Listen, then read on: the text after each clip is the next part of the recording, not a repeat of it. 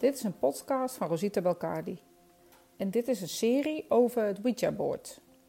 Het Ouija-board of, of Spirit-board of geestoproep, board, Charlie Charlie, challenge, glaasje draaien. Alles onder deze noemer. En dit is de eerste van deze serie. Op het moment dat je tegen mensen uh, zegt: ik, ga, ik gebruik een Ouija-board of ik ga een Ouija-board um, uh, gebruiken, dan krijg je echt direct allerlei reacties. Direct. Mensen gaan met de hoofd schudden, klakken met de tong. Nou weet ik allemaal. Mensen vinden direct niet oké. Want je opent een portaal of je haalt slechte geesten omhoog, demonisch zelfs. Je roept Satan aan. Um, nou weet je, ze gaan nog net niet de pastoor halen om, uh, om je te besprenkelen. Maar in ieder geval hangt er altijd iets negatiefs aan. Voor mensen die niet weten wat Ouija-board is, dat is een bord met cijfertjes en lettertjes. En die kun je zelf maken, maar dat kan ook bijvoorbeeld gekocht zijn. En die um, gekochte uh, zijn vaak heel mooi met een engel of met mooie vuur of uh, weet ik het, hele spirituele uh, dingen. En er staat vaak een yes en een no. Um, er zijn letters, er zijn cijfers en er is vaak een neutrale plek in het midden. En je bedient hem met een soort planchet. Dat is in de vorm van een uh, ja, druppel met een gat erin. En dan leg je dan je vingers op als je het alleen doet. En als je het met meerdere doet, zou je een omgekeerd glas erop kunnen doen. Uh, waar je vinger dan op legt. En uh, ja, dan, dan, theoretisch gezien uh, zou je de spirituele wereld, geesten, overledenen, wat dan ook kunnen laten communiceren. Kort door de bocht is dat wat een Ouija-board is. Het is dus eigenlijk een communicatiemiddel met de spirituele wereld. En uh, net als een, een, medium communiceert, is dat dus ook wat met Ouija-board zou je dat dus theoretisch gezien zelf kunnen doen. Het is echt, weet je, het werd vroeger, uh, 100 jaar geleden of zo, uh, praatbord genoemd. Dus letterlijk een, een communicerend bord met de spirituele wereld. En um, het is op de markt gebracht door Hasbro, kinderspeelgoed. En Hasbro is een, uh, een speelgoedmerk. Ook speel, spelborden, weet ik van wat, uh, Monopoly, weet ik het, men zeg je niet. Dat soort dingen. Dus het is 100 jaar geleden op de markt gebracht als kinderspeelgoed. En nogmaals, er zijn heel veel van die, van die verschillende soorten en, en, en manieren. En nou, ze hebben echt van alles al bedacht. Het concept is hetzelfde, een bord met letters. Je kan het ook zelf maken, bijvoorbeeld door een, een, een groot papier en daar gewoon letters op te schrijven. En weet leuk maken, kan je de kleuren bij doen. Het gaat helemaal niet om uh, hoe het is, het gaat om de letters. En dat het, dat het kruisen, planchetje of het omgekeerde glas um, over die letters heen um, kan, kan uh, schuiven. Zodat je woorden krijgt, namen krijgt, uh, dat soort dingen. En het gaat echt over antwoorden vanuit de spirituele wereld. Ik vind het vaak een omslachtig middel. Ook omdat ik kan communiceren met de spirituele wereld. Dus voor mij, ik hoor het vaak al voordat dat ding gaat bewegen. Dus dan kun je je ook afvragen, is dat niet mijn onderbewuste, zeg maar, die dat ding aanduwt? En um, dat is ook de reden dat ik vaak zelf niet aan het bord ga zitten. Gewoon omdat ik denk, ja weet je, dan kan het ook zijn dat, dat ik dat zelf in zit te vullen. Dus dat is de reden dat ik dan eigenlijk niet aan het bord ga zitten. Um, maar het is dus de bedoeling dat de, de spirituele wereld mogelijkerwijs zou kunnen communiceren en dan letters door zou geven op dat bord. En dat dat glas dan als vanzelf beweegt. Waarom moet je met je vingers op dat glas? Hè? Want dat is ook nog wel interessant om daar eens over te praten. Um, we moeten met ons vingers luchtig en licht op het glas, zodat je er geen druk op uitoefent. En dat is omdat de spirituele wereld een andere frequentie heeft en ze hebben ons nodig altijd. Ze kunnen niet direct uh, op onze frequentie zeg maar trillen of zenden of wat dan ook. Um, want dat is gewoon een, heel, een, heel, een hele andere vibratie, een hele andere frequentie. Um, FM, AM, nou ja, je begrijpt me wel. Allerlei verschillende soorten. Wij zijn een lagere frequentie, de spirituele wereld hoog. Net als dolfijnen een hoge frequentie hebben, heeft de spirituele wereld dat ook. En wij kunnen uh, die, die frequentie soms geen eens horen. Dat is met die hondenfluitje, weet je wel. Uh, we kunnen dat soms niet horen, ervaren, voelen. In de spirituele wereld zijn nog een paar um, trillingen hoger. Um, en maar even terug te komen op het feit waarom hangt er nou zo'n slechte naam aan dat uh, Ouija-board? Uh, want het is met, met, door kinderspeelgoed rond Halloween is het ooit bedacht. Ze dachten dat het is leuk, een spooky spelletje voor kinderen rond Halloween. En um, nou toen dus eigenlijk een soort van bleek dat het dus ook echt kon bewegen. ongeacht even of het je mindkracht is of je um, um, je onderbewustzijn iets stuurt of wat dan ook. Maar het feit dat het dus ging bewegen zonder dat iemand uh, daar echt zat te duwen en zat te, zat zat te wiebelen op dat kruis of op dat planchetje. Um, ja, toen gingen mensen zich ermee bemoeien, want dan wordt het toch ook een soort van spannend. En toen is die film, en ik denk dat jullie die film wel kennen, uh, waarin Regan, haar moeder, samen met haar moeder een Ouija-bord ge gebruikt. En in die film raakt ze in gesprek met Captain Howdy. En in die film wordt ze kort daarna bezeten door, je raadt het al, de duivel. En uh, er is een boek van en er is een film van en het is fictief, nergens op gebaseerd. En die film heet, tada, The Exorcist. En vanuit die film is er eigenlijk uh, ook de demonische krachten, zeg maar, uh, naar boven gekomen. Waardoor mensen dachten uh, dat dat echt was. In de oudheid, heksen die worden verbrand. Mensen die met de spirituele wereld kunnen communiceren waren slecht en demonisch. En werk van de duivel. Weet je, je, je we kennen allemaal de verhalen die daarmee te maken hebben. En het is zo dat op het moment dat iemand het niet begrijpt, willen we het gewoon begrijpen, controleren. En vaak is de kerk daar een reden van die daar, nou ja, er zich mee bemoeit, laat ik maar zo zeggen, of verhalen de wereld in gooit waarin ze zeggen: het is demonisch, het is niet oké, uh, want wij doen het niet. Dus macht en kracht uh, heeft daarmee te maken. Um, en dat idee werd dus door, ja, eigenlijk hè, door kerken, door mensen die gelovig waren, religies, werd dat overgenomen. Alles wat met de spirituele wereld te maken had, is slecht. Dus zo ook met dat Ouija-board. Toen ze dus ja, erachter kwamen dat dat bord dus ook kon bewegen zonder um, uh, dat een ander het zeg maar deed. Zonder dat iemand dat, dat, dat uh, glas zat te duwen. Want er kwamen bijvoorbeeld ook.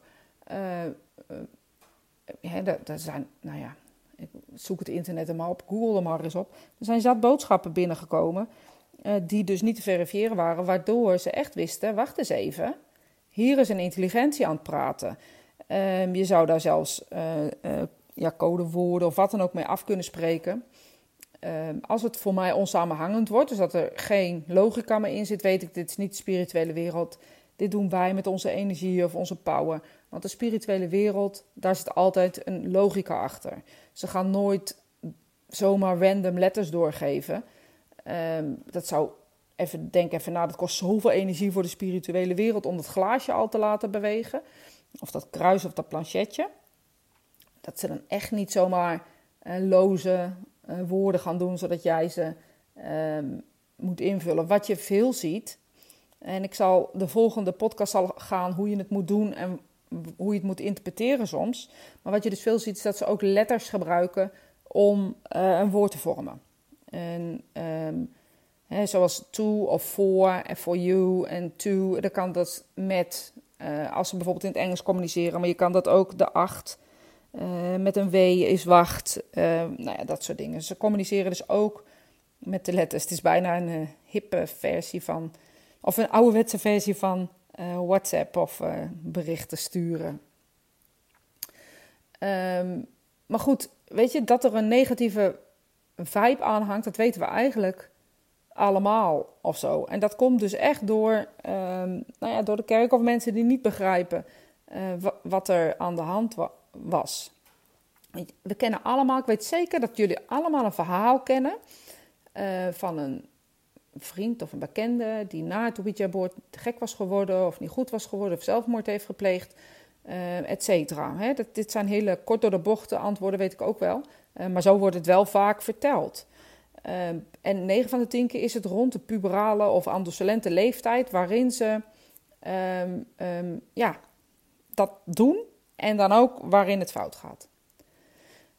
Ja, en je kunt je dus afvragen: is dat de spirituele wereld of is het bord die dat doet? Of was er al iets niet helemaal in orde?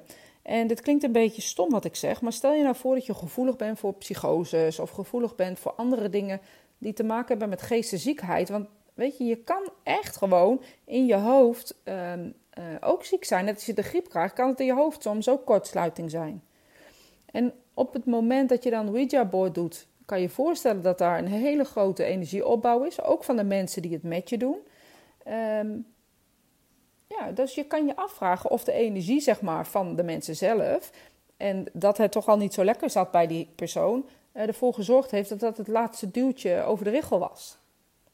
Waarin we soms een, hè, we noemen het ook wel eens de, emmer die, de druppel die de emmer deed overlopen. Bijvoorbeeld als je heel lang rotperiode hebt gehad. Alles is zwaar en heftig. Er hoeft er maar één dingetje te gebeuren en je klapt eruit.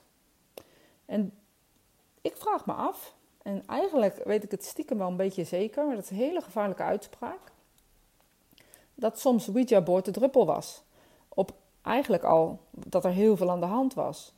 Ehm, ik zeg ook altijd tegen jongeren of pubers die het willen doen, doe het met iemand erbij, zodat we die er verstand van heeft, een medium. En niet omdat het gevaarlijk is, of omdat de geestenwereld gevaarlijk is, maar hierom. Zodat we op het moment dat er iets gebeurt, je als medium kan zeggen: nee, luister, dit is niet de spirituele wereld. Hier zijn, ehm, hier zijn jullie energieën met elkaar aan het crashen, zeg maar. Jullie zijn nu ehm, eh, een magnetisch veld aan het creëren die zo krachtig wordt. Daarom valt die fase eraf. Of jullie zijn een magnetisch veld aan het creëren uh, en daarom gebeurt dit. Uh, dus het is echt niets engs aan. Alleen het feit is dat er dus met pubers en jongvolwassenen dit soort dingen gebeuren. En daar moeten we naar kijken. We moeten dus niet het bord zozeer de schuld geven. Um, of de demonen die op de loer liggen. Um, maar uh, wij als mens moeten we daar onze eigen verantwoordelijkheid nemen. Hoe was het in ons hoofd voordat we uh, begonnen? Was het al een beetje door de waar? En is dat niet aangewakkerd doordat we het spannend vinden of dat dit net de laatste druppel was? Want ik doe echt al heel veel jaren Ouija-board. En ik heb er ook best veel onderzoek naar gedaan naar anderen. En ja, heel eerlijk gezegd hoor ik altijd alleen maar verhalen van verhalen van verhalen. En uh, dus ik kan het ook niet checken wat daar gebeurt. Dus mensen vragen ook niet, ik ga Ouija-board doen, wil je eens komen kijken, want er gebeuren van die rare dingen. Um, communiceren met de spirituele wereld is iets wat een mens, een medium, iedereen, ja, voor iedereen, je zou dat kunnen leren. Iedereen zou dat kunnen leren. Niet iedereen kan het op een zekere manier zodat communiceren mogelijk is. Maar dat zou wel technisch gezien kunnen. Um, dus al die enge spookverhalen, uh, die zijn in wezen, zouden dan ook over de mediums moeten gaan. Dat is natuurlijk ook zo. Maar in wezen, als ik contact maak met de spirituele wereld, doe ik hetzelfde als jij met een Ouija-board zou zitten. Dat is om het even. En laten we ook even heel, even heel nuchter kijken. Denk je nou echt dat de spirituele wereld uh, in een hoekje ligt te wachten um, tot Ouija-board gepakt wordt en dan nou, die demonische zogenaamd dan, die demonische krachten gaan zitten wachten tot iemand ter wereld, wie dan ook, dat Ouija-board pakt en dan wakker wordt. En dan pas uh, allerlei rare dingen gaat doen. Denk daar eens over na. Of is het zo dat dat, dat, dat nou, slecht is niet het goede woord in deze. Maar of is het zo dat, die, dat diegene dit allemaal in zich had, al die krachten, uh, negatieve gedachten, et cetera. En is dat alleen maar aangewakkerd, ook door de spanning. Ik weet nog wel dat wij vroeger um, Ouija-board gingen doen als, als um, pubers ook. Ik weet geen eens meer hoe oud ik was, maar ik weet nog dat ik heel jong was. En dat was bij een vriendin in een schuur. Want op een of andere manier moest je het altijd um, zo ver mogelijk van huis doen, of in een schuur doen, of waar niemand het van wist. Dus er hing al zo'n heel erg spannend en heel erg spooky verhaal omheen. Hè? Dus kan je nagaan dat dat al de energie zet. Dus wat er daarna ook gebeurt, dat zet de energie. En we waren in die schuur, ik zie het nog gebeuren. En we hebben zo'n bord gemaakt en we staan daar. En inderdaad, dat glas ging bewegen. En eh, bij iedereen kijken, maar eigenlijk raakte niemand echt dat glas echt aan. Maar hij bewoog toch van links naar rechts, naar boven naar beneden. En we zijn gestopt, omdat we het toen op dat moment heel spannend vonden. Ehm, en ik ben wel nog steeds nieuwsgierig als we door waren gegaan wat er uit was gekomen, zeg maar, wat er uh, gebeurde. Want het is gewoon zo dat je het 9 van de 10 keer altijd doet in een soort spanning en sensatie. Dus kan je voorstellen wat dat al voor een energieveld neerzet. Dus je creëert eigenlijk je eigen negatieve energieveld. En op het moment dat je dat dus doet en je hebt dat energieveld gecreëerd en je gaat dat voeden met nog meer spanning, ehm, ja, dan kan het echt zo zijn dat, dat bewijzen van de, de glazen op het Ouija-board klappen. Gewoon omdat er zoveel spanning in zit.